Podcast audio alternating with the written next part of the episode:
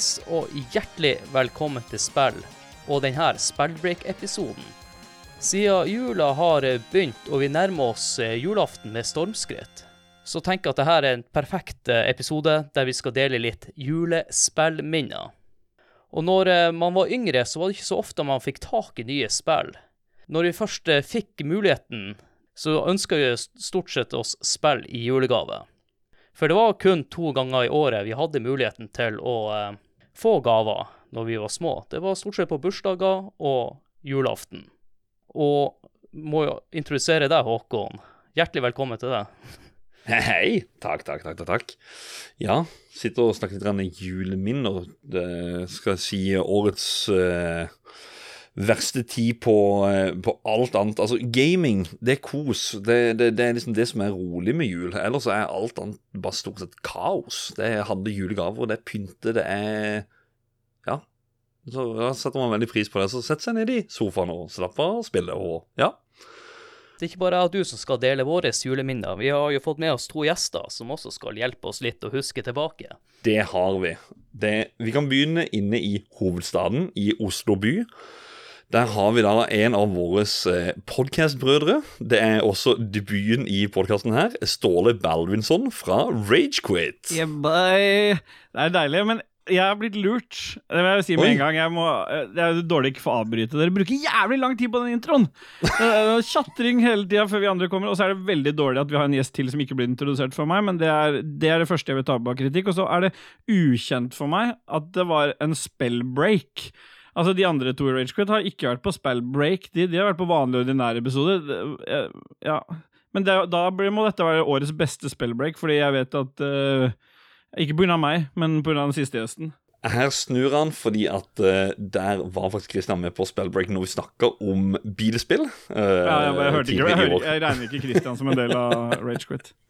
Nei, men du nevnte en annen gjest, og det er en som bor enda lenger oppå i nord, i en fredfull by ved navn Harstad. Du, eh, eller Folk kjenner henne kanskje igjen fra en YouTube-kanal ved Irsha Gaming. Velkommen til oss, Irene. Hei, takk for at dere har meg her i dag. Ja, absolutt. Fra Harstad. Jeg sa Irsja, og, og Ståle arresterte meg med en gang. Det er jo Isja. Ja, men du har men, lyst til å eh, skarre på R-en. Ja, ja. Vi har prata om det her. Jeg liker det. Som den sørlendingen er. ja, men altså, det, det, går. Det er bra. Det er good. Ja, eller gjør det enkelt som meg. Si Irene, som hun egentlig heter. Irene funker. Jeg har jo gått i mange år og trodd at du heter Irka Gaming, men jeg har jo lært noe nytt i dag, så Ja, men du er ikke den eneste. Det er et forferdelig dårlig navn. Altså, jeg kunne jo jeg kunne jo egentlig sagt takk for sist òg, fordi at eh, vi møttes jo faktisk på retromessa 2019, tror jeg. Ute på den der, eh, der afterparty som var eller noe. Da sto vi og prata, der. var det det er Irka Gaming. Det, ja, ja, ja. ja. Tenk at det er tre år sia. Tida flyr, tida flyr. Var du på retromessa i år? Det var vi. Vi hadde til og med en episode derfra, så Vi er litt av til tidligere i dag, forresten. Jeg kom på det nå. Ja. ja. Den var Ståle innom også en liten tur. Veldig bra. Og vi skal jo dele litt juleminner, så håper jo at uh, dere uh, har uh, tenkt litt, eller prøvd i hvert fall å tenke ut litt fra gamle dager. Og jeg er jo spent å høre på hvordan minner dere har lyst til å dele med oss. Ja, vi har, vi har mye minner, det er jeg sikker på. Jeg er jo livredd for å spørre jenter om alder, men jeg regner vel med at du er yngre enn meg og Ståle, i hvert fall. Nå, nå. Uh, ja, dere, dere, kan begynne. Hvor gamle er dere? Ja, jeg er da snart uh, 32. Født i 1990. Jeg er straks 38.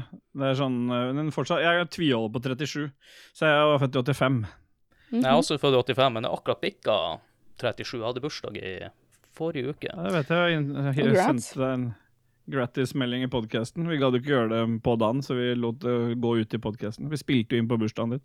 Ja. ja. Nei da, jeg er 32. Ja. Jeg, jeg, er født i 1990. Ja, så da har vi to fra 85 og to fra 90. Så eh, for dere som er født litt senere, så er det ikke sikkert at dere kjenner igjen de samme minnene, da. Fra 90-tallet ut så begynte jo minnene å endre seg veldig. Så da ble det helt annen type sett med minner. Så det er jo blir interessant å se. Ja. ja. Jeg har i hvert fall eh, prøvd å eh, huske litt tilbake til når jeg fikk mitt første spill i julegave og sånn, eh, Men for den tid så er jeg jo litt interessert i å høre Når begynte du, Irene, med å, å spille, da? Og husker du sånn cirka når du begynte å tenke at eh, nå har jeg lyst til å ønske meg et spill i, i gave? Jeg var så lita at det husker jeg ikke. Altså, jeg husker ikke. Det spillet har vært en del av mitt liv fra jeg begynte å gå, vil jeg tro. Altså Vi hadde PC. Det heter ikke PC på den tida, da heter det data. Da spilte vi data. eh, og så ble det jo en eh, Gameboy Advance. På releasedag så fikk jeg Gameboy Advance. Det var min første håndholdte konsoll. Og før det så eh, Før eller etter det, rundt den tida, så fikk jeg en Nintendo 64 også. Ja, yeah, boy. Jeg starta nok på Nintendo 64, egentlig. Men det, var, var det til Nintendo 64 du også begynte å ønske deg spill i julegave, eller? Absolutt. Altså, jeg kjente meg så igjen når du sa at det var to ganger i året vi fikk muligheten til å få oss nye spill, fordi de var dyr. Og det var jul, og det var bursdag. Og jeg hadde bursdag i juni, så det var helt perfekt synkronisert i året.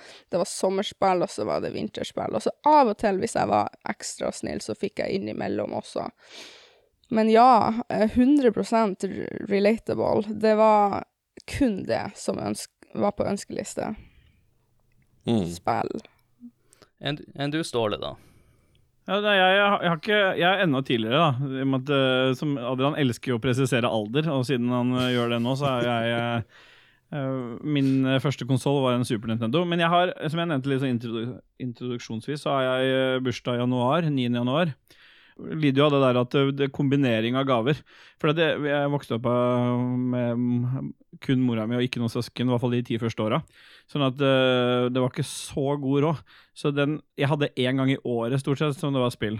Og det, de som husker Super Nintendo-prisen på spill, så lå den rundt 800-900 kroner. Mm. Så, og det var back in the days. Så hadde jeg en far som eh, var også relativt ung, så var han som introduserte Super Nintendo som en sånn litt sen bursdagsgave, husker jeg. Og så er det, var liksom Jula var stort sett da jeg fikk spill, så jula er liksom det største sånn spillminnet jeg har, fordi da kombinerte ofte pappa en sånn derre at jeg fikk bursdag og julegave i ett, for da var det liksom, kunne man unne seg å få et spill. Så det er vel litt sånn min Så jeg var sånn tidlig Nintendo-fan. Har vært innom, som Isha sier, også både Nintendo 64. Jeg har ikke vært noe PlayStation før uh, så sent som PS3, men jeg har vært liksom Nintendo 64 og GameCube og hele den rakla. Nå er det jo Xbox selvfølgelig som gjelder for alt det er verdt. Så, du, så du kjente til hypen, eh, når du, for du visste sånn cirka at eh, på julaften, da får jeg nytt spill. Ja, og det var alltid fra faren min, sånn at det var liksom alltid å sjekke ut, og så var det litt sånn alternativ i innpakkinga. Så da var det liksom bare å håpe på at det var det som gjemte seg bak. De har jo litt sånn Det det er jo store, fine gaver òg, de gamle coverne på Snesen. Det er sånn Ja. perfekt gavestørrelse, egentlig. Så, mm. så ja, jeg husker ja, Vi skal vel tilbake igjen til litt sånn type minner og sånn, men, men når det gjelder konsoll og sånn, så er det liksom et godt minne at julaften er en sånn forbindes med spill. Jeg har jo noe Ja, kommer tilbake til minnene, kanskje. Var det noen ganger du var nervøs for at du ikke skulle få det Super Nintendo-spillet, med tanke på at han var kreativ på innpakninga? Ja, ja, ja, det er jo selvfølgelig alltid et uh, Det har nå vært noen skuffelser opp igjennom, ja. Det har det vært. Men uh, stort sett så var det liksom det, Du vet, samvittigheten til en far som ser deg annenhver helg, det, den er å ta og føle på, den, altså. Da Mm. blir det spill, eller spill, til jul. Jeg dro jo litt av den eh, Eller nå bodde jo foreldrene mine i lag, men jeg hadde en kompis som eh, Han var hos faren i ny og ne. Og hver gang han var hos faren, så brukte han å låne, eh, få låne spill. Og når han hadde bursdag og sånn, så fikk han jo spill hele tida. Så jeg fikk eh, mye innføring i mange forskjellige typer spill når jeg var yngre, på grunn av han, da. Det er, jula er liksom den tiden i hvert fall jeg forbinder med, med, med ekstra, ekstra med spill. Er liksom, nå er det jo sånn, nå har man jo økonomi til å liksom kjøpe det låret, så nå er liksom litt av den magien blitt borte, føler jeg. Mm. Uh, fordi det er litt sånn, nå er det sånn uh, Alt fra disse Black Week-tilbudene som går på konsollene nå med digitalspill, så du bugner liksom. Jeg har jo kjøpt jo et par spill nå som jeg liksom ikke har begynt å titte på. Sånn. Det er jo helt utenkelig back in the days. At du liksom eh, fikk et spill som du ikke begynte å spille med en gang du fikk det. Altså det var jo liksom Du måtte holde igjen gavene eh, da jeg var liten på det, for i det hele tatt liksom For å kunne åpne de andre, for det skulle døttes inn i den maskinen så fort det var utpakka. Ja, ja. på en måte Mhm. Så det er litt sånn merkelig Man er liksom bortskjemt på det blitt. Det er liksom et annet forhold til spill. Ja, og Uavhengig av hvordan spillet var i kvalitet, si f.eks. da Nintendo 64 hvor Mission Possible Jeg tror kanskje det var en billig tittel, eller noe. Jeg tror det var derfor det var så utrolig mange som hadde det. Ja, det, ja, det, lå, det lå til et par hundre kroner under, for det husker jeg også, faktisk. At Nintendo sine egne var liksom hakket dyrere, og så var det så Mission Impossible gikk igjen hos oss også, og det var dritt, ass. Og det også gikk igjen som en sånn der fordi det var hakket billigere, det var en sånn tredjepartsutvikler. De lå alltid til en hundrings under, de tredjepartene på 64. Og det er en type sånn her eh, Kanskje onkel og tante, så kommer det spillet der, og så var det sånn Ja, du, du, du måtte bare si at det er et bra spill. For det var liksom det spillet du fikk, da. Og det, det, det var det det var.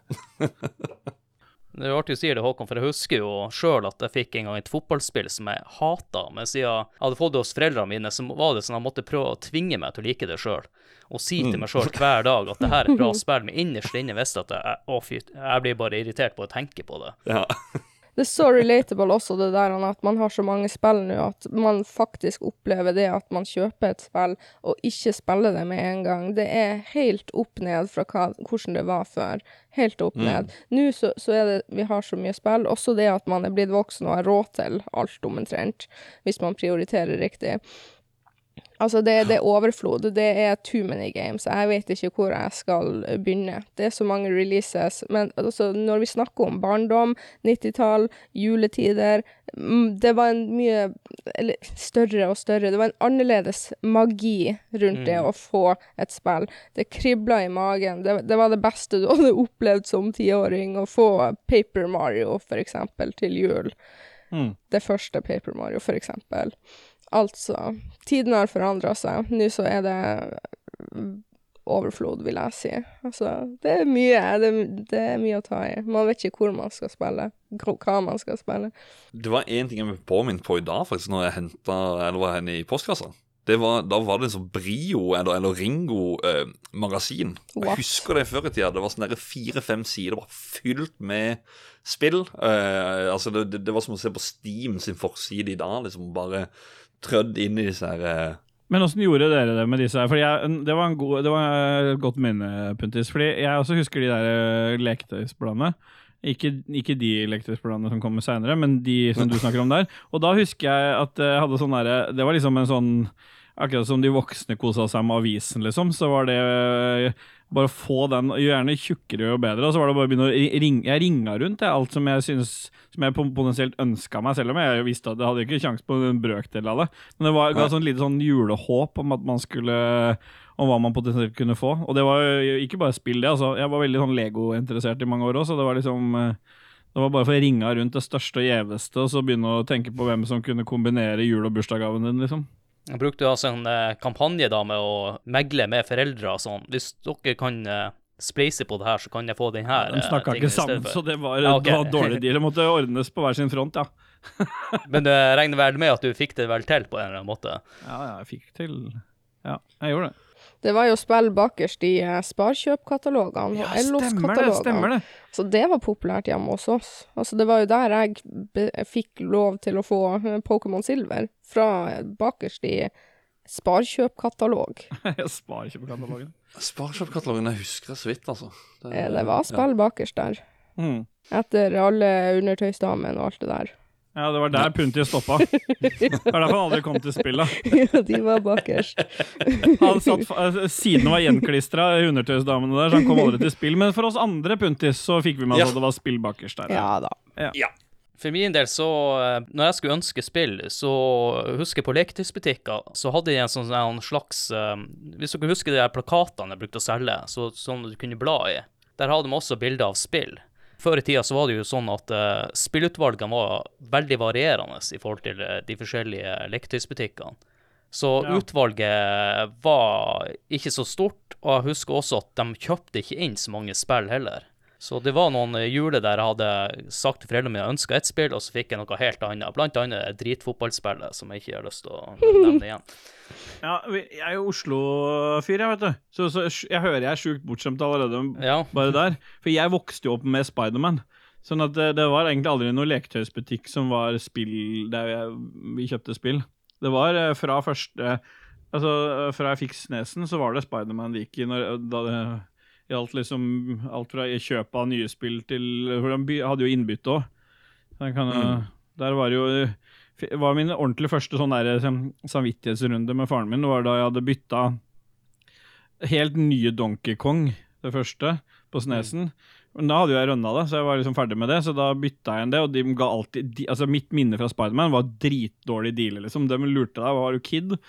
Altså, bare hør hvor dårlig deal det var, da. Jeg fikk Jeg bytta inn et helt ny Det var sikkert et par måneder gammelt, da, men det var fortsatt et ganske dyrt spill i Donkey Kong. Og så fikk jeg da Street Fighter 2 Turbo på Altså, Puntis er sikkert enig i at det var en bra deal, men det var, ikke, det, var, det var ikke den europeiske, det var den amerikanske utgaven. For da hadde ikke den europeiske kommet. Jeg husker ikke hvilken versjon det var. Men jeg husker at jeg måtte ha den amerikanske med sånn adapter der du satte det amerikanske på toppen og så et sånt uh, europeisk i bakkant.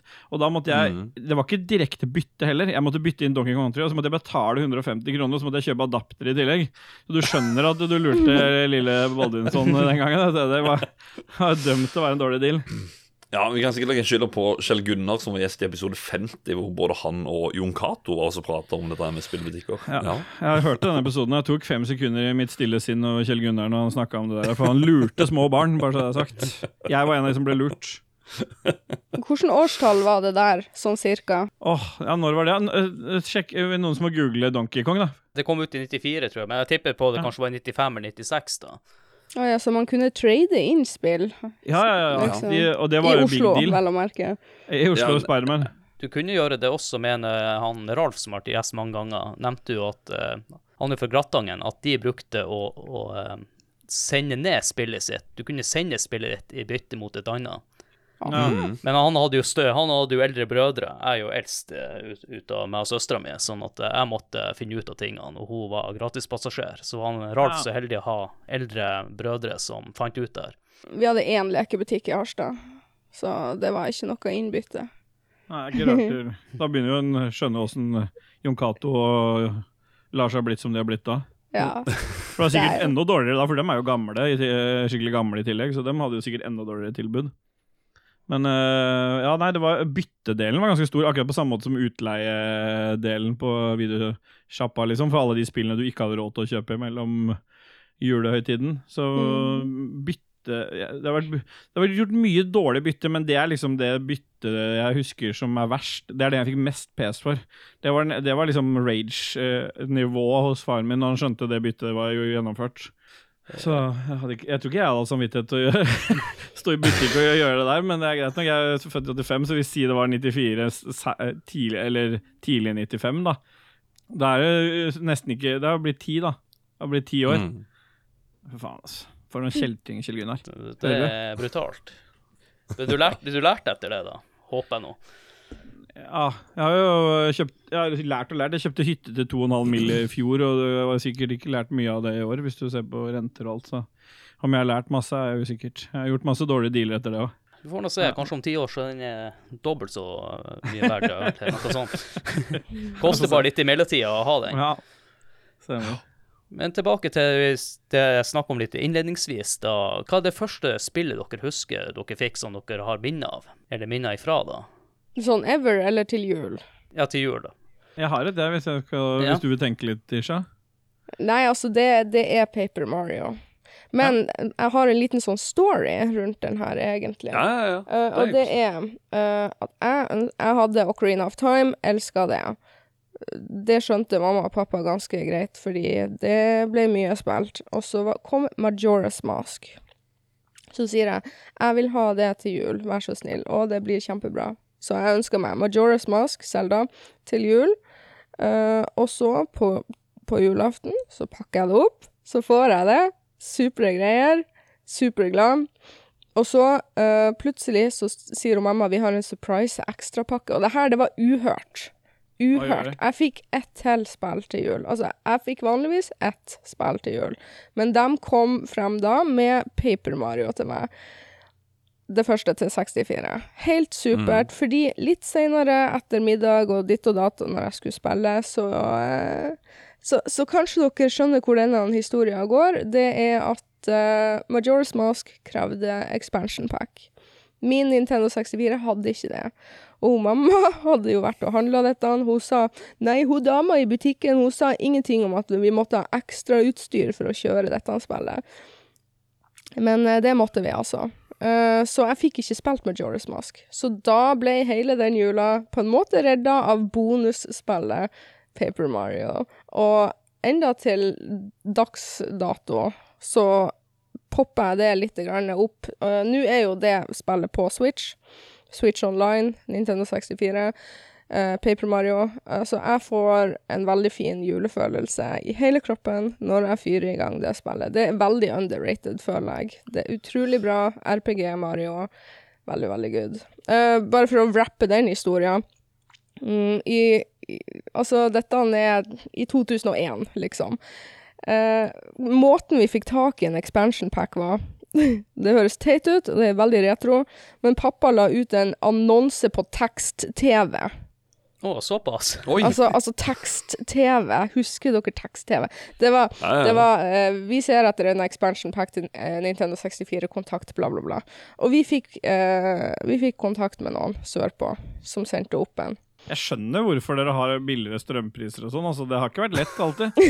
Nei. For dere har ikke, jeg husker tekst-TV, jeg også, men det var Men var vi måtte ikke lete så hardt, uh, hardt etter expansion pack. Men expansion packen var hvilke, hvilke spill var det han ble bøndla med noen spill? For jeg husker jeg, fikk, jeg kjøpte Perfect Dark, og da var det Ja. med den. Stemmer. Og så var det, Men det er et par til som han ble bøndla med, så var de litt dyrere. Men, uh, Donkey Kong 64, blant annet. men det der er litt Nintendo i et nøtteskall, for det der må de ha visst da, For de hadde jo laget plass til at du kunne gjøre det, så det visste de. Litt sånn som eh, Litt, en li- liten avsporing der, men det er litt sånn som en Nintendo Wii U-konsollen. Mhm. Fordi den hadde ganske dårlig batteritid, selve den der skjermkontrollen de, som fulgte med der. Mhm. Og så besti Jeg bestilte et ekstra batteri som skulle vare dobbelt så lenge, og så skrur jeg og Fra Nintendo, så jeg skrudde opp baksiden, og da var det liksom skjært til plass til det batteriet som fulgte med. Og så var det også allerede skjært plass til et større batteri som bare passa liksom rett ned i den der slotten. Og det er litt sånn Det er sånn Nintendo-ting å gjøre. Altså Det samme med den expansion packen. Og hvorfor var ikke den expansion packen bare der fra starten av? De visste han kom. Mm, dårlig marketing, altså. Mamma ble irritert på det der. Ja, det Mm. Kjipt på julaften. Det er ikke noe expansion pack å hente i Harstad på 25. desember. Se nå for deg en forelder som er non-gamer, skjønner jeg egentlig ja, ingenting. Bare vet at uh, den dattera på ni-ti år har lyst på det spillet her. Bruker 800 kroner på et spill, og så, og så funker det ikke. Det er jo klart at det blir litt frustrasjon. Nei, det var dårlig markedsført. Altså, det fremme på pakken, som jeg fortsatt har, da, så er det oppe i hjørnet bitte lite bilde. Expansion pack required. Bare dårlig. Men du fikk i hvert fall Paper Mario, og det er jo oh, ja. blant sånne Oh, folk igjen lager en topp ti-liste eller topp fem-liste, og de har spilt det spillet, så er det der som regel. Det kan gjerne være topp tre år for folk, så det er utrolig bra. Ja. Tenkte tenkte jeg skal gå gjennom oppfølgeren eh, til GameCube, A Thousand Year Door, eller hva det heter. eh, Det Paper Mario-spillet. Se om jeg skal gå gjennom det i romjula sjøl, faktisk. holdt jeg på å si grats, for at du skal gå gjennom det. Så koselig. Vi får se. Ja, det har jeg runda flere ganger. Love it. Eh, Ståle, har du ei like dramatisk historie fra de første spillene du fikk? Den er nesten like dramatisk, men den er ikke så ille som at jeg mangla en expansion pack. Det er, det er rett og slett det derre Jeg hadde eh, Det var jo det å få ett spill i året. Jeg hadde ønske Jeg, jeg måtte søke litt der nå, er, i 91 så kom jo Super Castlevania Er det fire? Det var ikke det jeg ønska meg. Det hadde jeg ingen relasjon til i det hele tatt. Altså, jeg var eh, Jeg vel, ble vel sju år ett år etter, på en måte. Så helt eh, Om det var da det kom til Europa, så står det 92, så det samsvarer vel litt bedre, da. Og det, den jula der så hadde jeg ønska meg et helt annet spill. Og så prøver jeg å komme på hvilket spill var det jeg ønska meg. Fordi det, jeg, jeg husker, Nå husker jeg ikke eh, hvilket spill jeg egentlig ville ha. Men jeg husker at det pappa hadde kjøpt, var det Super Castlevania- Castlevania-spillet. Og jeg var altså så skuffa. Og det er en sånn kjip ting å være på julaften, liksom. Fordi at fordi det, det er liksom ikke det var ikke, det var ikke Jeg visste ikke hva det var engang. Jeg bare så på den esken. og tenkte, jeg husker jeg var Yes, endelig et nytt spill. ikke sant? Og var så happy. Åpner opp, og så bare What the fuck er det her for noe? Men grunnen til at det er på den der nivået med Isha sin historie, er fordi at det, det viser seg å være et av mine favorittspill på Super Nintendo. For det, det var jo bare det jeg hadde. Så da måtte jeg jo fyre det opp. Oh, ja. Og det, er jo- altså, det var jo det nye spillet, så da måtte jeg jo sjekke det ut. For det var jo ikke noe bytte, det var ikke noe åpent kjøp 50 dager på Elkjøp, liksom. Det var uh, you're stuck with it. Så Syns du det var skummelt? For det syns jeg når jeg har fikk det. Jeg syns det var skummelt, men jeg husker egentlig For det er bare musikken og gameplayet og liksom boss fight det er, det er helt fantastisk, det spillet. Det Mange år siden jeg Skikkelig spilte julespill. Ja. ja. Skikkelig ja, det er julespill. julespill i familien vår, for da er det jo slakting og blodtømming og alt mulig. Det blodet selger ja, ja, ja. altså. Men, eh, jeg, men det sier jo litt, da. At man, jeg husker ikke engang hvilket spill jeg håpa på å få. Jeg bare husker at jeg fikk det spillet som jeg, ikke, som jeg egentlig ikke ville ha. Som bare har liksom blitt et av de spillene jeg liksom setter eh, mest pris på på Super Nintendo. Så det blir jo en ja, hyggelig overraskelse. Eh, Ja, det ble jo det etter hvert, men eh, det tar jo litt tid å lande fra noe sånt nå. Jeg er jo traumatisert ennå. Ja, det er jo man eh, Ja, nei, altså, det, det spillet der, det er jo ikke noe annet å si at det er Ja, jeg, jeg, jeg kan si det der òg. Har du spilt det, og du, du legger det inn på topplista med en gang for Super Nintendo-spill, det er helt, helt, helt rått. og vi har lagd en episode om spillet. Men apropos det der, det du sa der, der med å huske Jeg tenker bare, jeg tar bare der, jeg tar den ballen her, og så kan jeg fortelle om jula 1998. Hvor, hvor eh, Var det det første gangen du fikk spill?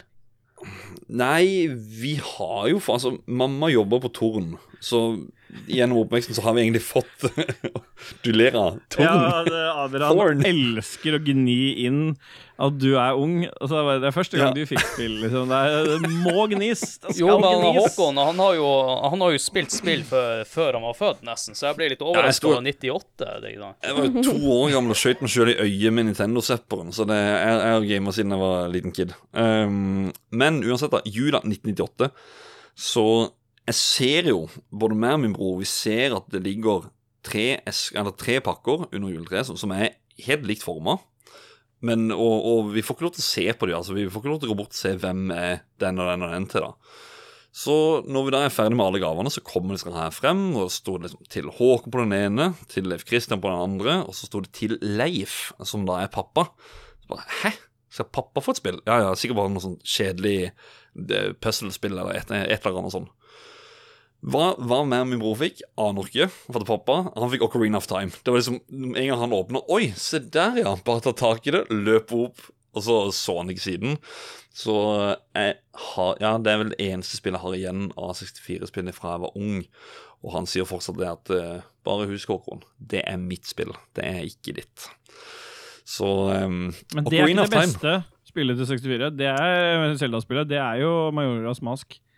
Bare sånn at vi er enige om det. Skal vi ta den diskusjonen? Eh, helst ikke. Det får vi ta en annen. Det får vi ta en annen episode. Der vi diskuterer Zelda-spillet. Men det er morsomt du nevner Ja. det spillet. Det var ikke det første spillet jeg fikk, men jeg husker prosessen når jeg skulle ønske meg Zelda Ocarina of Time. For jeg hadde, eller jeg har jo en kompis, da, han fikk jo det noen dager før hos faren sin. Han bodde litt utafor byen, så det var ikke akkurat aktuelt å reise inn til byen rett før jul og kjøpe det. Så han fikk det noen dager før og spilte det og skrøt av det og snakka mye om det. Og så ville jo jeg sikre meg et Zelda-spill. Og da var jeg og faderen inne på OBS, og for å være 100% sikker på at jeg skulle få det spillet, så gjemte jeg spillet bak noen reoler. Og visste faren min hvor han skulle finne det, sånn at jeg var safe på at jeg skulle få det her spillet. Ja, fant han det, da? Ja, ja, for at eh, jeg, jeg fikk jo spillet, men jeg husker også når det, samme dagen som jeg fikk spillet, jeg sto litt sånn fast, og så begynte jeg å ringe til han kompisen min som hadde fått det noen dager før. Ja, det var i Deku-tree, ja. Ja, og Ja, eh, jeg husker jeg ringte hjem til han, jeg hadde glemt av klokka, og da var vel klokka ett på natta, ringte jeg jo vekka hele huset, for det var jo på hustelefoner på den tida. Så da husker jeg faren ikke var så særlig blid når jeg ringte der. Ja, nei, Jeg må jo bare ha forståelse. Det er Ocarina of Time det er snakk om. Jeg husker selv, Vi satt jo fast bare med å krype inn i det hullet for å finne Kokiri Sword. Vi skjønte jo ikke bedre at vi skulle gjøre det og det. Vi kunne jo ikke engelsk. Så det, det var sånn du måtte bare prøve. Nei, det er prøve og feile. Ja, vi skjønte ikke. Det var continue. Jeg, jeg leste det som Conticune. Altså, det var bare joss. Det var bare tull. Jeg hørte bare noe 'Hei, listen!' Altså, Ja, hun sier jo noe. Mm -hmm. uh, ja. mhm. Men jeg husker også det første spillet. Det er jo litt sånn som han uh, Ståle nevnte. Du ønska deg ett spill og fikk noe helt annet. Jeg fikk eh, eh, NHL PA Hockey som mitt første Super Nintendo-spill. Ja, men eh, det var jo, det var jo dritbra. Ja, ja, det er akkurat det jeg skulle si. At det er overraskende bra. Det er Ja, fordi de jeg, hadde det, jeg fikk det jo et år. Ja, jeg gjorde det? ja. Og, jeg, jeg har jo, og alle som kjenner meg, vet jo at jeg hater idrett. Hvis du ser på BMI-en min, så skjønner du at jeg beveger meg ikke mye.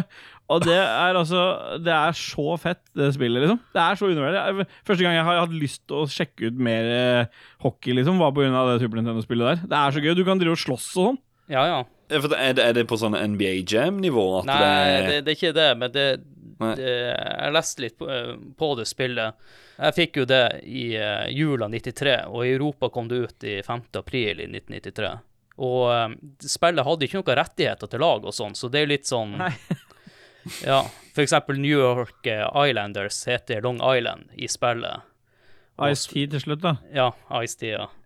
Sånn at eh, Men det var jo normalt på den tida når det kom til sportsspill. Det er jo ingen av de sportsspillene som hadde lisensierte lag og navn og sånn. Det kom ikke før på slutten av 90-tallet. Men det dreit vi litt i, og, det er jo fint for Ja, ja. sånne som deg og meg, da, som kanskje Jeg vet ikke hvor interessert du var i hockey, men for min del så var, spilte det ingen rolle om det var en ekte spiller. Det var bare gøy. Det var, et genuint bra spill.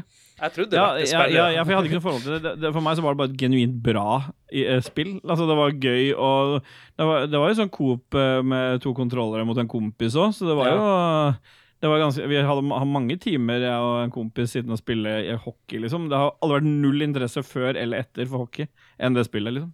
Ja, det er et mm. overraskende bra spill. Eh, jeg prøvde jo også å tenke litt tilbake. 93 var jo, Jula 93 var jo første gang jeg fikk et spill i julegave. Men så var det jo litt på det kjørene uh, Ståle snakker om. Det med å ønske seg Lego og andre ting. Jeg husker jo eh, jeg fikk en del leker i noen år. Så jula 96, da fikk jeg Fifa 97, som jeg faktisk hadde ønska meg. Ja, for du er litt fotballinteressert. Ja, jeg er veldig fotballinteressert, eh, Ja. men, jeg, men det er egentlig lyst til å ta fram, det er egentlig jula etter. For da var jeg så heldig som hun eh, Irene her, da, fikk to spill. Uh, Det ene var Extreme G, hvis dere spilte det til Nintendo 64. Nei. Nei. Jeg hørt navnet. Jeg, jeg likte ikke så særlig godt når jeg spilte det. Det var sånn motorsykkelspill som kunne ligne litt på Wipeout. Ja, det hørtes dritt ut. Ja, det, det var ikke så morsomt. Eh, Jeg fikk det hos foreldrene mine, og ja, det var ikke det spillet jeg ønska. Men det spillet jeg ønska, var Diddy Kong Racing. Fikk du det? Ja, så det spilte jeg mye den jula. Og jeg husker også på skolen så vi krangla om hva som var best, Diddy Kong Racing eller eh, Mario Kart. Og utfordringen her var at uh, jeg var jo stor Mario Kart-fan. Og så var det vanskelig å Man var jo litt fanboy av de tingene man eide også, så jeg skifta mening Ja. med en gang jeg fikk Diddy Kong Racing. Selvfølgelig. Full maks eierskap til det du har. Det kan være så dritt som bare faen. Det, Ja. skal, uh, det er, er det ditt spill, så er det det beste. Og når du var Ja. liten, så forsvarte du det for alt det, det var verdt. For det om du, en- for det om du kanskje likte det andre spillet bedre, så kunne du ikke innrømme det offentlig. At, uh... Mine, en av mine juleminner sånn når det gjelder spill, eh, spilling av spill og sånn, det er også Det vet jo kanskje ikke deres lyttere så mye om, da, men vi har kødda mye med det også, som at jeg, eh, var jo en, min, mor var jo i mormonerkirka da vi var liten. Eller da jeg var liten. Ellers så klikker vel Dag hvis han hører dette og hører feil. Så jeg har mye minner med Street Fighter sammen med disse misjonærene. For det, mens de prøvde å opprettholde troen hos mora mi, og åssen de gjorde det, kan vi ikke gå inn på her, men da spilte jeg Street Fighter med, med de. Så jeg, jeg har faktisk et, har litt juleminner fra å spille Street Fighter med mormonene Og det, jeg er ikke, det er ikke det vanligste juleminnet. Nei, Ja. det er et, et, et, et eksklusivt Eller, eller ja, ja, det, det, det er noe i hvert det er ikke fall. Ja, ja. Ja. Det, det er ikke alle som har opplevd det. og det er ikke noe man glemmer heller. Nei, det er ikke det. Og det er liksom ikke å anbefale til noen heller.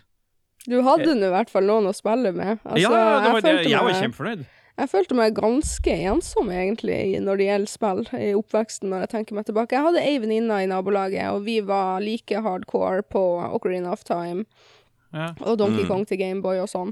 Men altså, bortsett fra det, så, så var det lite spillvenner, for å si det sånn. Men så oppfølgingsspørsmål der, fordi det er litt interessant. For det er jo blitt, nå er det jo mye mer snakk om det der med Altså, det spiller ingen rolle om det er gutt eller jente når du spiller, men de der eh, stereotypene og rolle... Altså menn, damer, gutt, jente, liksom. Det var jo enda mer fokusert før. For jeg husker det var veldig få av jentene som spilte spill på skolen der Det jeg gikk. det. Men det, men det, var liksom ikke noe, det var bare en forutsetning om at liksom, nei, de liker ikke det. Og kusina mi elska det jo. Så, men det var liksom bare Det var liksom dokke de fikk til jul. på en måte Det var ikke noe spørsmål om de skulle ha spill. Det er litt sånn, Åssen var det hos dere? Altså, jeg, jeg hadde uh, ei anna venninne som jeg var nabo med, og jeg prøvde å tvinge henne til å spille på broren hennes sin GameCube, fordi han var den første i nabolaget som fikk en GameCube. Jeg var super jealous. Ah, og han hadde. Sonic Adventure to Battle, og der er det to player. Jeg prøvde å tvinge henne til å spille det, men hun var, hun var veldig non-gamer. Hun var ikke interessert, så eh, Det var bad. Det spillet fikk jeg til jul faktisk sjøl. I 2002-2003. Ja, så, se der, ja, juleminner. Hadde du noen å spille 2002, to-player med? Nei, du, jeg, jeg husker hvor tid den toplayer-biten kom inn eh, i, når det kom til Sonic Adventure 2, men apropos toplayer, så kan jeg jo egentlig ta frem jula 2003, hvor eh, Altså, Mario Kart 64 var jo et stort spill. Det var jo gigantisk. Og GameCube, når det kom ut, så var det jo PlayStation 2 som også var ute, og det var jo den av DVD-spilleren og alt sammen, så var det liksom naturlig for foreldre også å gå for den konsollen. Så det var jo Jeg var vel kanskje den eneste i nabolaget. Det var en til i klassen som eh, Ja, eh, jo, som hadde GameCube. Eh, og jula kommer, begynner å ønske spill. Den hadde jeg kjøpt for egne penger, så det var min konsoll. Men min bror var til og med så gira på at jeg skulle få eh, Mario Double Dash at han også var sånn her Ja, eh, jeg ønsker at Håkon skal få Mario Double Dash til jul. Og julaften ute hos eh, farmor og farfar åpner opp, selvfølgelig, der ligger det. Eh, om vi hadde GameCuben der og da, det vet jeg ikke, men dagen etter, første juledag, så dro vi opp til besteforeldrene mine i Skien, og da pakka vi med oss den. Og eh, da stjal vi godstolen til min morfar og TV-en i stua, og spilte stort sett hele romjula. Tok gullpokal på gullpokal på gullpokal. Så etter det så er det blitt en sånn tradisjon, da, at brødrene Puntervold skal skal ta noen runder med Mario Kart på kvelden når alle pakker er åpna, ja. Så som dere ser på kamera, så rett bak meg her, så er det en TV, det er en sofa. Så eh, når han kommer nedover her og skal feire i år, så blir det nok eh, ned i TV-stua med fenalår, noe julesnacks, noe godt i glasset, og så skal vi banke inn en drøss av gullpokaler.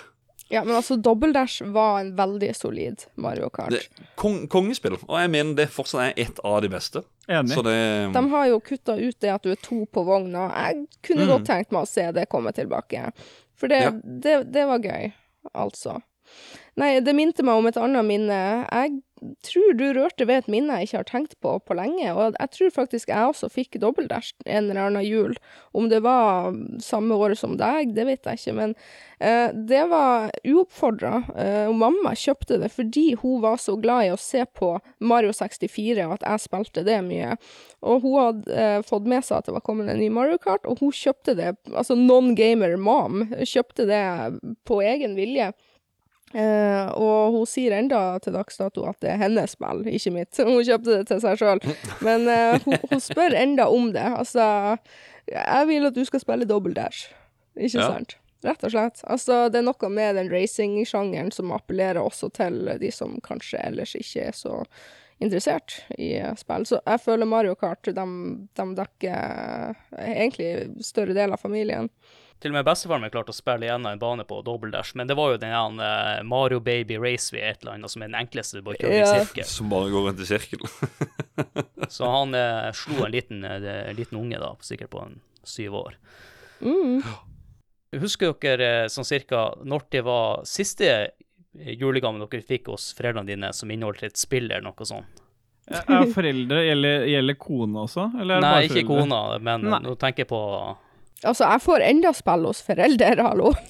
Gjorde du det? ja, altså Åh, vet? Det er vel noen, et par år siden nå, da. Jeg husker ikke hva det var jeg fikk. Uh, men altså, jo, det var et Neptunia-spill til PlayStation Vita. Uh, fikk i julegave. Ah, Altså, hun, hun mamma kjøper fortsatt hvis det er det jeg ønsker meg. Men uh, man har jo et luksusproblem nå når man er blitt eh, stor, og det er jo at vi har råd til alle spill, og når man har en YouTube-kanal og litt kontakter, så får man også review codes. Så Mhm. den magien med å ønske seg et fysisk spill, og det er en annen ting, jeg er gått mer og mer over til å kjøpe digitale spill, digitalt på PlayStation, digitalt på Switchen. Så det å pakke inn et fysisk spill, det hører til sjeldenheter nå, for min del, i mitt liv. Ja, jeg prøvde iherdig faktisk å få den følelsen av å åpne opp og så se at oi, her er det en konsoll eller et spill jeg får. da, Så jeg prøvde jo å få min samboer til å bare kjøpe en Switch for mine penger, og så bare, bare sånn uh, Overrask meg, kom igjen. Nei, det ville hun ikke. Ok, så kjøpte han sjøl. Det, det var vel like før jul. Og så, eh, så var jeg sånn Ja, jeg, jeg ønsker meg Ultra Street Fighter 2 og ja, det, sånn, det spillet og det spillet. Bare. Nei, fikk ikke noe, fikk ikke noe eh, spill til, til jul, da. Så 2007, det var sist jeg fikk et spill til jul.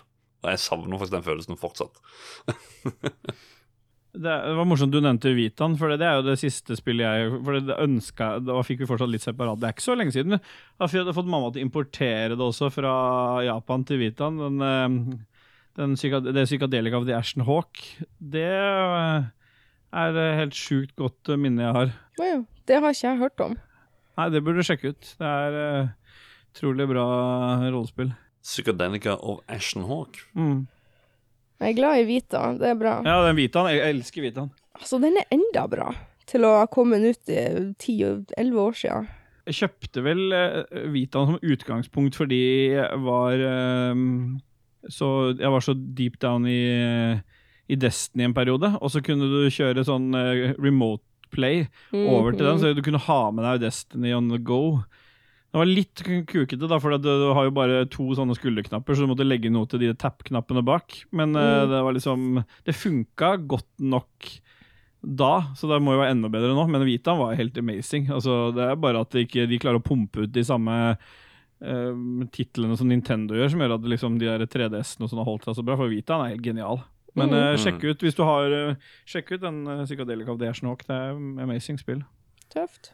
Jeg hører jo nå at uh, det er ganske lenge siden jeg fikk det siste spillet i julegave hos mine foreldre, og det var Donkey Kong 64 i jula 1999. Oh. Som var det siste spillet jeg fikk. Begge to. Oi! Ja, jeg lurer på hva du ønsker deg hos foreldre i ettertid. Bare Jeg, jeg prøvde jo å tenke, jeg spurte jo også en kompis min som jeg nevnte i, i stad, han som fikk Ocarina of Time eh, før jula. Og vi, vi diskuterte litt, og vi fant jo ut at eh, jeg kom på jeg fikk jo med PC i konfirmasjonsgave i, i år 2000. Og jula 2000, det var jo da alle fikk 33-tid, i hvert fall i klassen. Ja. Jeg. Prøvde også å tenke tilbake til hva andre ting jeg fikk. Jeg tror det var et PC-kabinett og litt sånne her ting. Men det, Donkey Kong 64 var det siste spillet jeg fikk. Mm. Og Håkon kjenner jo til han Remi. Jeg han satt og spilte det ganske eh, mye. Jeg ble aldri bitt av den basillen der med Donkey Kong 64. Jeg, jeg, var, jeg var Det skulle være sidescrolling-plattformer. Det skulle være på Super Nintendo. Det var det tredje greia. Jeg klarte det aldri. Nei, jeg, jeg syns spillet var helt OK, men han Remi var jævla god i den der han eh, I spillet, da, så kan du spille på Arkademaskin, og der kan du spille det han eh, Stemmer. Donkey Kong eh. Ja. Så vi spilte mer det enn vi spilte det spillet. Mm, mm. Så du er mer fan av uh, sidescrolling platformers, eh, Håkon? Ja. Ja, OK. det er jeg. Ok, Da er jo du glad i denne eraen som vi er i nå, da. For at det har jo blomstra de siste tre årene, vil jeg si. Det er i hvert fall på indie-siden, altså. Mm. Jeg personlig, jeg savner 3D-plattformere. De kommer sjeldent og aldri, nesten. 3D, rett og slett 3D-plattformer. De siste som prøvde seg, var vel da ukulele, sånn ordentlig sånn av de litt større. Og det var vel ikke helt oppe der ved sånn det var med back in the days. Nei, jeg, jeg ble Altså, det var bra i noen timer, men jeg, jeg savna å ha et kart i ukulele. Mm. Fordi du må memorisere hvor du skal gå hele tida. Mm. Så ja Nei, men jeg har funnet 3D-plattformer nå i det siste som heter Smurfs. Mission? Belief. Ja, ja Smurfene. er Rett og slett 3D-plattformer på PlayStation 5 og Switch.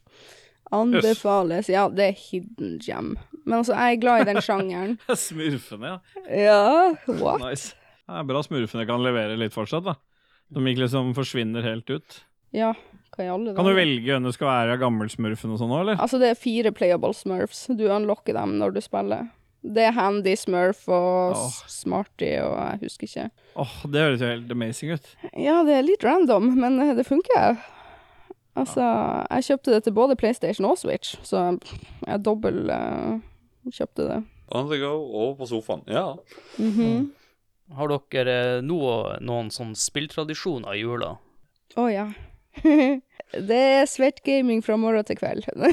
altså det er Ofte når det er jul, så liker jeg å gå litt tilbake noen år. Altså, jeg kan fyre opp en Jeg kan fyre opp GameCuben bare for at det er koselig. Det er jul.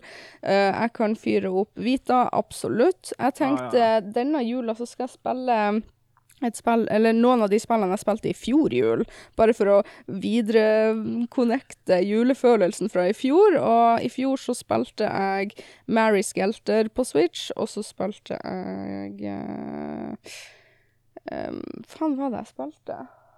Jeg skal i hvert fall spille The Outer Worlds også, som er et spill som kom ut i 2018.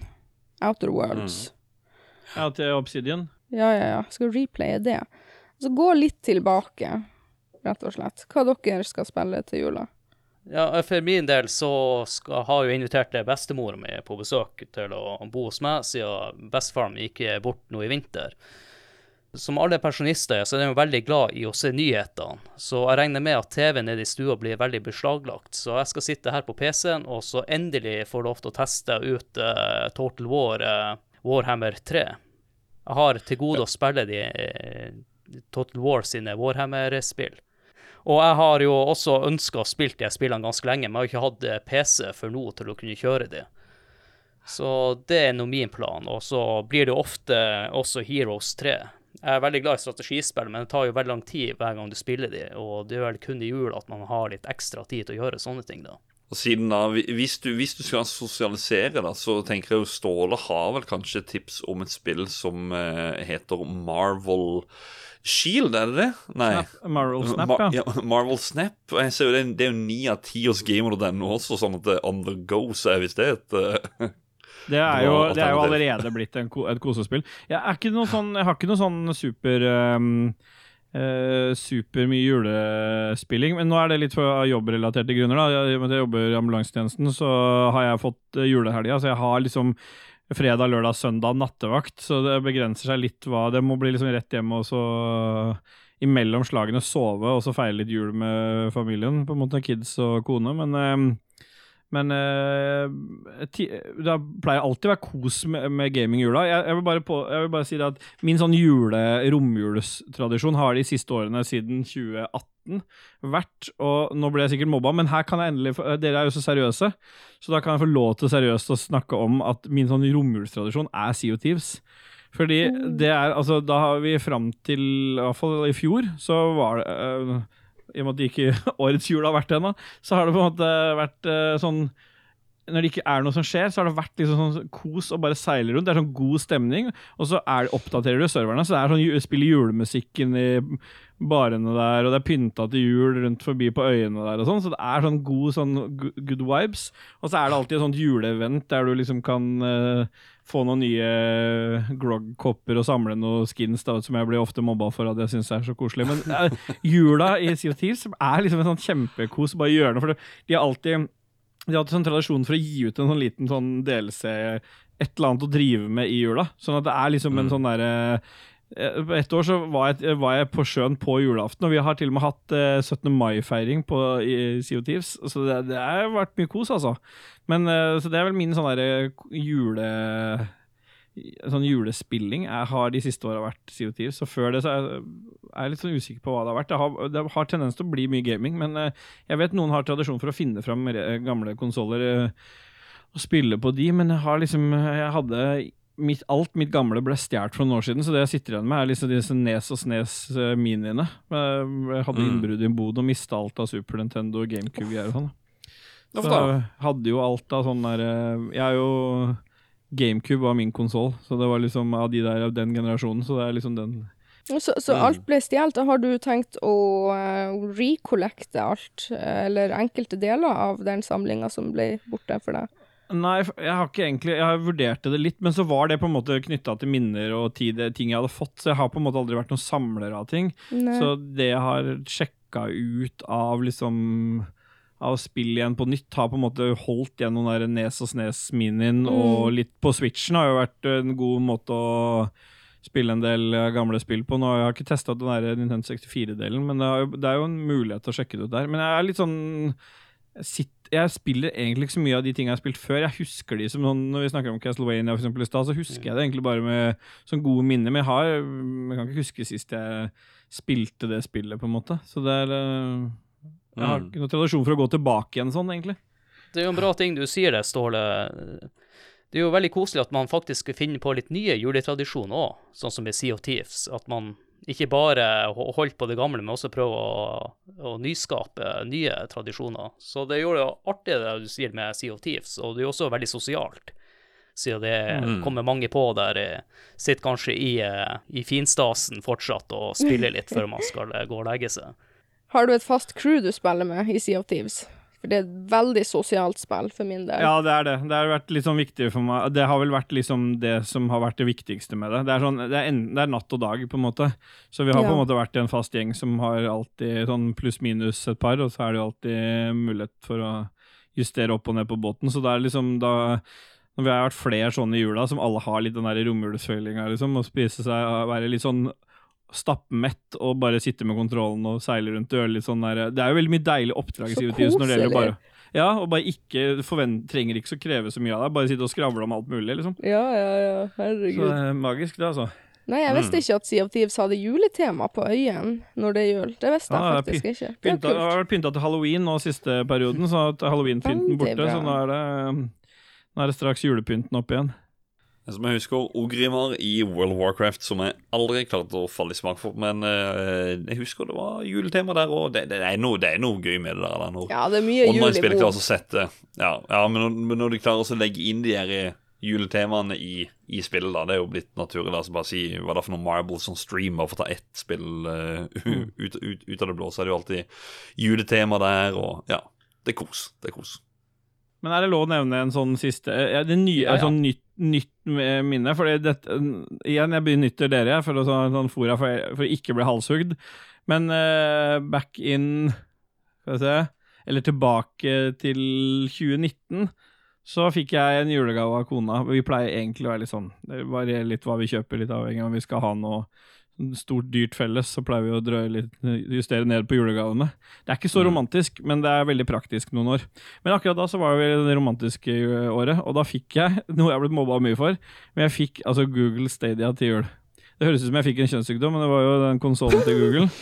Og, og alle har mobba meg, og jeg har vært en som har gått genuint inn for å teste den streamingkonsollen opp mot Xbox og de andre tingene.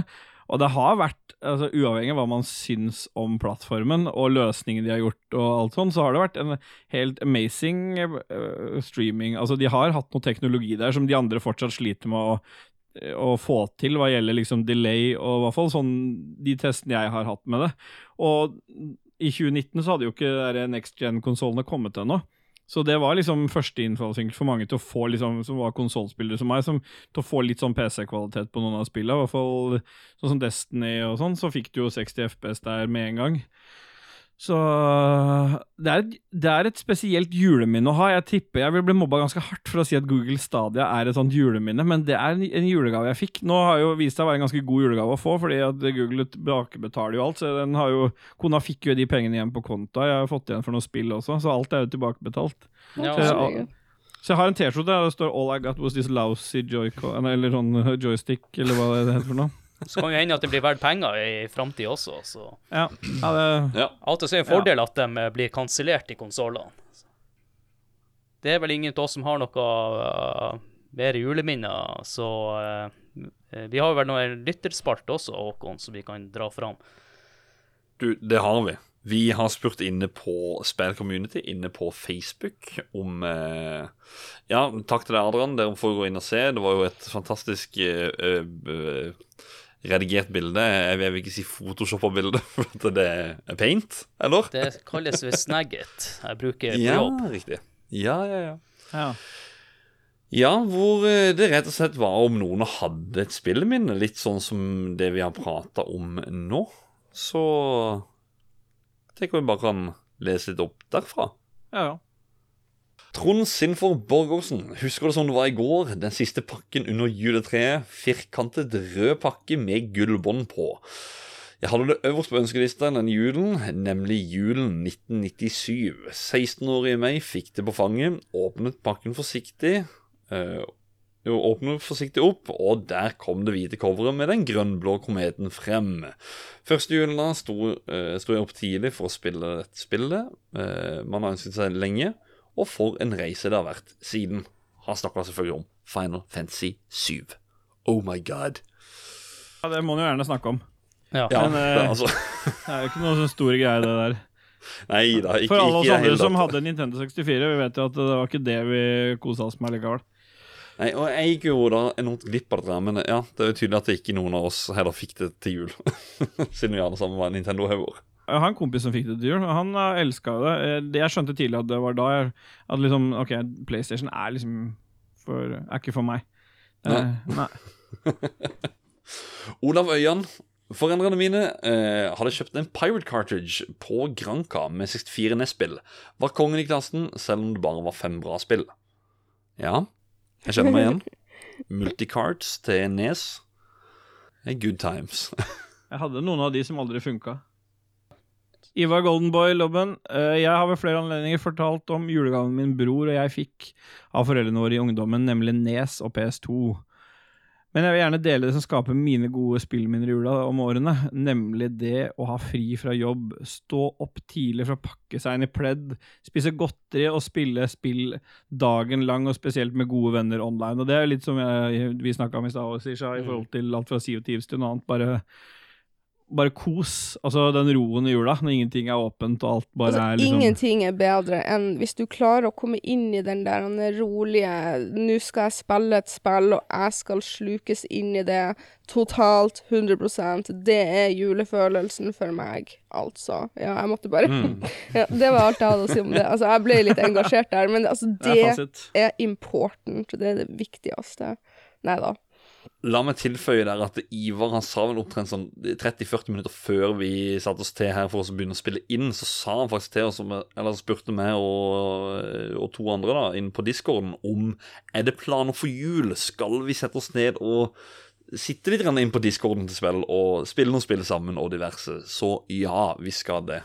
Join eh, discord-kanalen vår, og så bli med og spille i jula. Nice. Ja. Ja, Kristoffer Getteboys Gettoboys Hansen, eh, så spør han You guys are getting presents. Nei da, vil trekke frem In Cold Blood. En nydelig perle til en PlayStation 1 som jeg gjerne kunne tenkt meg en remake av. Et krimeventyr som jeg, aldri kommer til å glemme. Jeg har aldri hørt om engang. Nei, jeg har sett coveret, men eh, aldri valgt å starte det. Nei, kanskje man er nødt til å sjekke det ut, da. Som sagt, det er ingen av oss som har noen eh, vinner til det spillet. Må eh, dessverre skuffe deg der, Kristoffer. Ja, det er jo kjipt når vi blir skuffa, men eh, det, han har lyst på en remake, i hvert fall. Ja. Han Lars sier eh, Jeg hadde ønsket lettvekter programmeringsspråket Amos til Amiga, og hadde før julaften et innerst ønske om å finne ut om jeg virkelig fikk det under treet.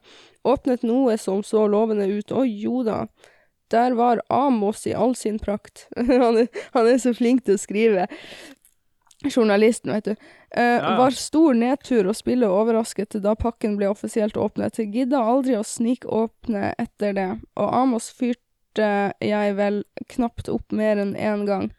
Burde tatt hintet der og da, men grunnet på det programmering oss... Nei, men gønnet på med programmering, også på VGS, sugde de luxe til tross for, eller på grunn av, at sønnen til Arthur Arntzen var lærer. Ja. Så lettvekter programmeringsspråket Amos. Ja. Aldri hørt om. Nei, altså, jeg, jeg skjønte ingenting av, Nei. Nei, jeg jeg hørte du leste. noe. Ja, same. Så leste litt sånn gebrokkent. litt sånn uh, squi squinting. Ja. ja, men det er good. Det er bra. Det er aldri, aldri hørt om Amos, men uh, vi skal ta og sjekke det ut, Lars. Vi har hørt Ja, om vi skal Amiga. sjekke ut Amos, ja. Har du ikke hørt om Amos Piler? Jo, Amors Ja. Uh, ja. Ja, Bjørn Bjelland vil jeg ha, for han er uh, our boy.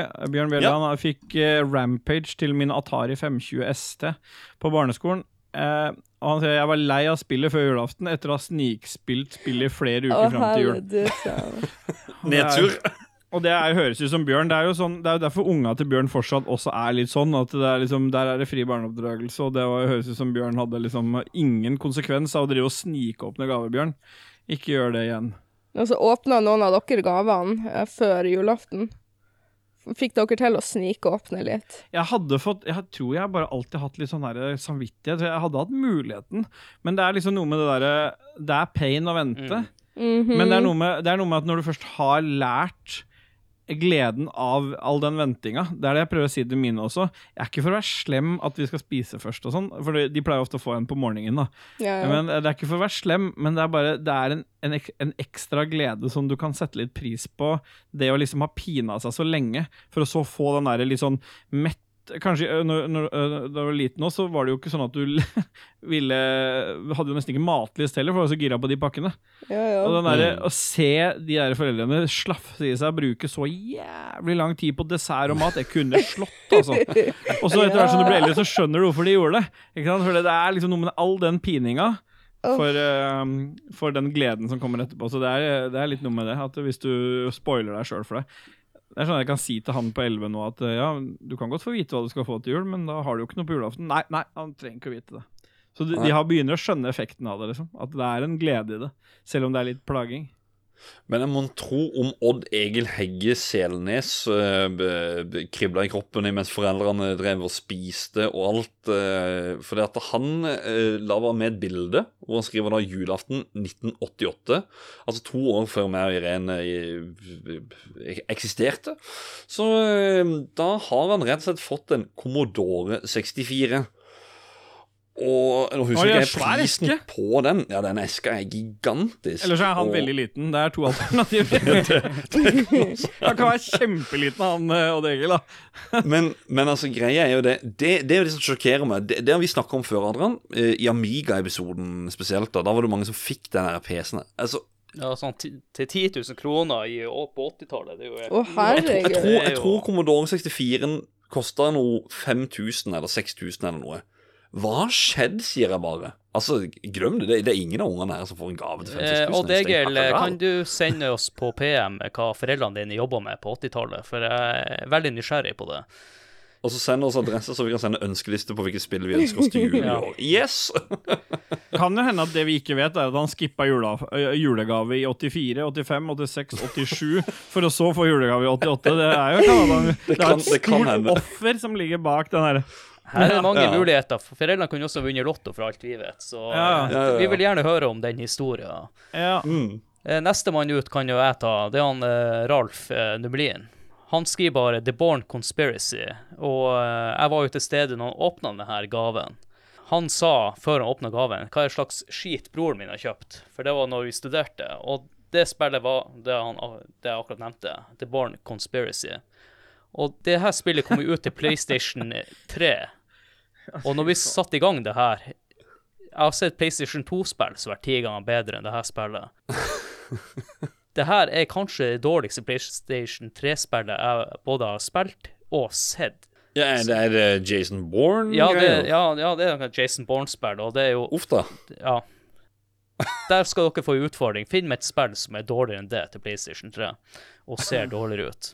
Mats Leander Solheim Vik fikk ofte ikke spill osv. til jul, men det var ett år som skilte seg ut, året 2002. Under juletreet lå det en firkanta pakke med noe, eh, med noe flatt oppå som kunne ligne på et film- eller spillcover. Pakket nysgjerrig opp, og tror du ikke dette var en Nintendo GameCube med Wind Waker? Husker du han ble utrolig glad, og hele romjulen gikk til dette etterpå. Det hørtes ut som en god jul. Fy Ja, det var det jeg skulle si. Han fikk liksom Han fikk den beste konsollen gjennom tidene, og det beste Zelda-spillet. Skal vi gå videre? Jeg, jeg skal ikke nevne Wind Waker, hva jeg synes om det, så det høres ut som fornuftig, det står det. Ja, det skal jeg spare til en Wind Waker-episode. Ja, men da, Hvis jeg skal ha en Windwaker-episode, da skal jeg og Isha være med på den Ja, episoden. jeg har masse fordi det, å si om vi om det. Eie, ja, fy fader, det er magisk Zelda-spill. Det er det beste av de. Hundrevis av det, det er konge. timer. Og hvorfor Ja, er ikke det- det ute på Switch? Det kommer garantert. Ja, men garantert, hvorfor er det ikke ute? Det er jo, det er jo allerede en Nintendo HD. tviholder. Ja, Nintendo liker å ruge litt. Mm. Selina, uh, Selina, som jeg alltid liker å si. Celine eh, Selda Rochefte Martinsen. Hun skriver Når dere ripper opp i 80-tallet og 90-tallet i hver episode, er dere egentlig ikke en retropodkast? Og det er dem ikke det. Må være noe annet, da. Hæ? Altså, hæ? Er ikke 80- og 90-tallet retro? Vet du hva tidlig 2000 er retro? Snart er 2010 retro. Hva er retro? Ja, det er retro. hvor går grensa for retro? Nå, Altså, jeg- nå intern spøk mellom Ståle og Celine. Oh, ja, oh, ja. Ok. Det er noen som liker å mobbe denne podcasten for å være en retropodcast, og det Ja.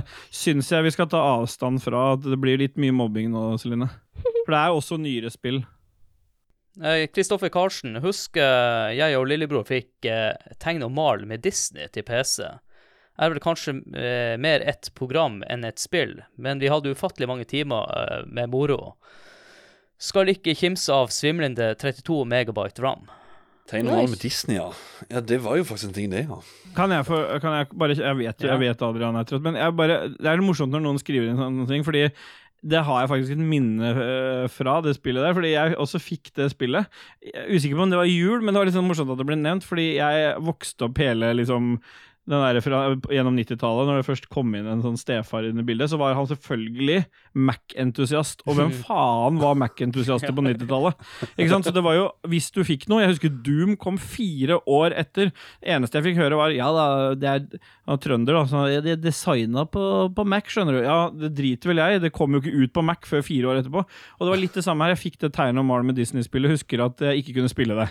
Så jeg husker jeg hadde med meg den til onkelen til en kompis, for vi skulle på besøk. Jeg og han kompis skulle dit. Og han hadde heldigvis en PC, så det var der liksom jeg fikk endelig testa det der eh, spillet. Ganske dårlig, egentlig. Jeg, for, jeg, for, jeg, for dårlig, jeg skulle si det var en opptur eller nedtur. Det var Ja, nedtur. det var skikkelig nedtur. Det er, det er ganske basic. Liksom, sånn som CD-rom eh, som fulgte med en periode der det var liksom ble inn, og så fulgte med blader og sånn. Skulle du følge med en sånn liten bare sånn demo som viste et eller annet. Det, var, det er ganske dårlig, altså.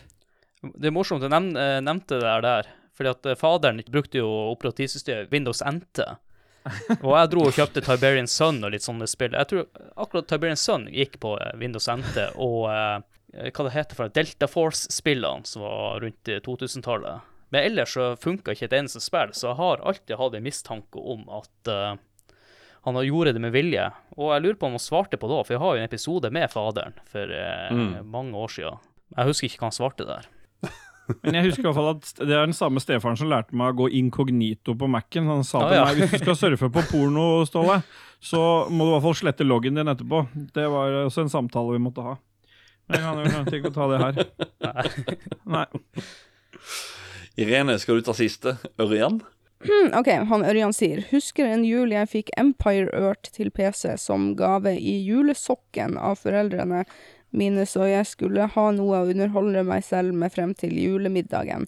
Satt i mange timer med både camp camping Jeg leste nesten camp Ja, du leste camping, du òg? Ja, ja, satt med cam nei, campaign og skirmish hele julen gjennom. Det var Empire Earth PC. Du nevnte Total War i stad, Adrian. Eh, eh, Empire Earth, er det litt sånn samme greia? Eller? Altså, det hørtes kjent ut. Ja, jeg lurer på om han spilte det, og det er sånn det spill eh, Det er strategispill, men så går Ja. de fra steinalderen opp igjen, og det er jo irriterende. eh, I hvert fall når jeg var yngre, så likte jeg jo å stå i egen base og bygge opp en stor hær. Men Mm. eh, det resulterte jo at du fortsatt var i steinalderen, mens det, den du spilte mot, som regel var maskinen, var jo kommet til Space Ages, og du fikk jo totalt juling. Så jeg syns jo de spillene var ganske vanskelige. Det var vel det vi hadde, Håkon. Ja. It's a wrap på Lytterspalten. Det var eh, mange gode, fine minner. Og det er jo en bra pønn nå, for så vidt. It's a rap, fordi det er jo det man ofte gjør med julegavene. Ja. Faktisk. Ja. Ja. Og da tenkte jo at uh, gjestene, eh, hvis dere har lyst til å uh, pitche det dere driver på med, vi kan jo begynne med deg, Irene. jeg har en YouTube-kanal, IRCHA Gaming, Isha Gaming. Eh, jeg gjør spillanmeldelser. Eh, jeg, jeg spiller masse Nintendo Switch, PlayStation, Xbox. Uh, Sjangrene jeg er glad i, er Life Simulators, RPG, JRPG, ARPG, First Person Shooter, MMO, altså alt mulig rart. Nintendo-fan, eh, vokste opp med det, som vi gikk litt inn på. Har Instagram, Twitter. Jeg har en egen podkast også, som heter Disk i disk. Eh, Vi har liten juleferie akkurat nå. Allerede, faktisk. Men jeg kan anbefale den, og så er jeg Jeg er overalt. Det var det. Den podkasten, snakker dere på norsk der, eller går det på engelsk? Engelsk, engelsk. Um, det er mye lol. Men Isha, du har jo du har også Patron. Ja, ja, jeg har alt. Du gå inn og, må gå inn og støtte, støtte Isha der. ja, takk. Og så er jo vi med i et eh, podkastsamarbeid med Hans Ståle her, og du kan jo få lov til å pitche podkasten din. Jeg vet egentlig ikke om jeg skal pitche den så mye. De folka som er her og hører på spill, det er jo ordentlig seriøse, bra folk. Og de som hører på oss, de er jo en plass imellom der. Uh, men Ragequit er jo fall en podcast som begynte som en sånn spillpodkast som skulle være litt Nå er det vel spill og leisure primært sett, så det er hvis du er liksom lei Uh, uka Ikke jeg holdt på å si lei livet, men ikke det, da. Men litt lei og trist og lei, så er Ragequit en sånn fin måte å få opp eh, få litt humør i hverdagen. Hvis du liker litt sånn uh, tre gamle gubber som er eh, drøye i munnen. Og hvis ikke du liker det, så er det egentlig bare å holde seg unna det. Men vi, vi tilbyr ganske mye på det på, den, på det spekteret, hvis det er lov å si. Med dere som har den seriøse biten, Lolba som dekker nordlandsfylkene, og Ragequit som tilbyr noe til noen, på en måte. Ja. Så det er en bra, det er en bra sånn collab som eksisterer der. Isha Gaming inn der nå, så har vi engelsk publikum òg. Yes. Ja. Ta og pitche det inn til Lars Rikard, siden dere er good friends. Så er det Ja, liksom, ja, ja. blir det sånn stor, eh, stor community, det der, altså. Ja. Nei, altså, Som du nevnte, da, det var jo LOL-bua. Spinnrevyen, som har jeg lagt på pause eh, inntil videre. Men kommer sikkert tilbake igjen. Og så er det enda en podkast med Lik oss univers med gjedda, som også kommer ut eh, jevnt og trutt.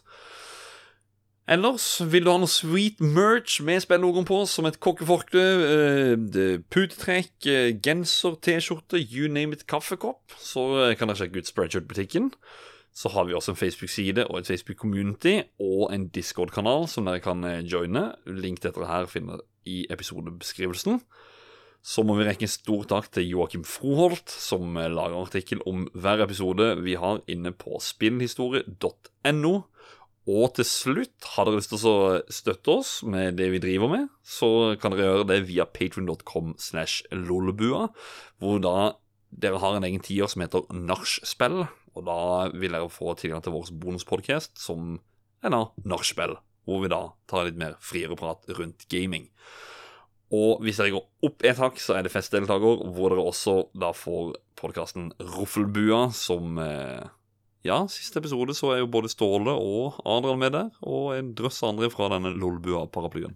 Hvis jeg har muligheten til å bare legge, skyte inn fra siden der, så er det liksom, hvis de lytterne dere har, har lyst til å støtte liksom den kommunen, så er det ikke sånn at de pengene bare havner i en sånn Det brukes til tilbake igjen til, og utstyr til podkastene, så vi kan lage best mulig innhold. Så intensjonen der er egentlig kun å få bare gjøre mer bra ting, liksom. Alt fra streams, og du ser jo resultatet allerede er at Adrian har blitt streaminghelt. Altså, jeg har aldri sett en mann streame så mye konstant, så det, det, det, det gir liksom Det bærer noen frukter. Så hvis du sitter og tenker at nå julegaven min i år er å støtte med en ti, liksom, så, så betyr det at det potensielt blir bedre lyd, og kanskje en musematte på Punti. Så det er liksom eh, Det, det, er, det er verdt det. Uh, og Adrian han trenger en ny mikrofonarm, for han sier Ja. at den er så Ja. heavy. Altså, den, Ja, den er det. bøyer seg ned. Ja, og han Håkon. Vi har, vi har samme mikrofonarmen, han Håkon. Vi, Ja. Min er sterkt knekt. Jeg gir ham Ja. fem, fem episoder til, så er jeg knekt. Ja, og Yes! Da skjønner dere hvor dere må inn og støtte en, ikke sant? Ja. ja. vi, har, vi har fortsatt gammelt utstyr her siden vi starta Spack, så det er vel kanskje på tide med utskiftning. Få dere nachspiel, så blir det mikrofonarmer og mikker, og det blir, det blir så bra lyd, altså. Det blir rått. Og med de vise ordene fra Ståle, så vil jeg si tusen takk til deg, Irene, for at du hadde lyst til å være med på denne episoden, og håper at du kanskje er med på en episode litt senere også, etter hvert. Absolutt, absolutt. Bare si ifra, så er jeg her.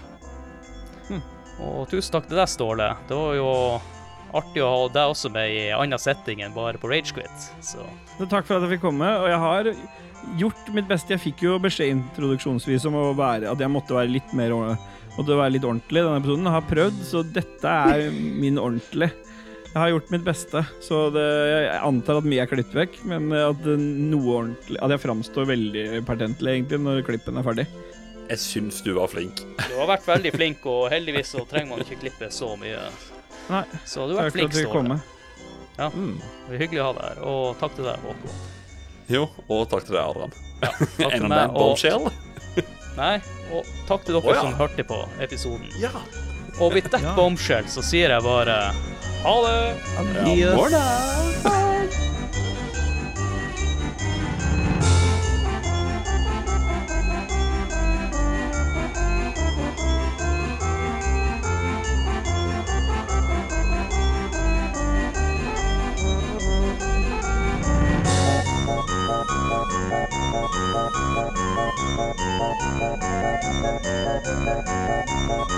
Thank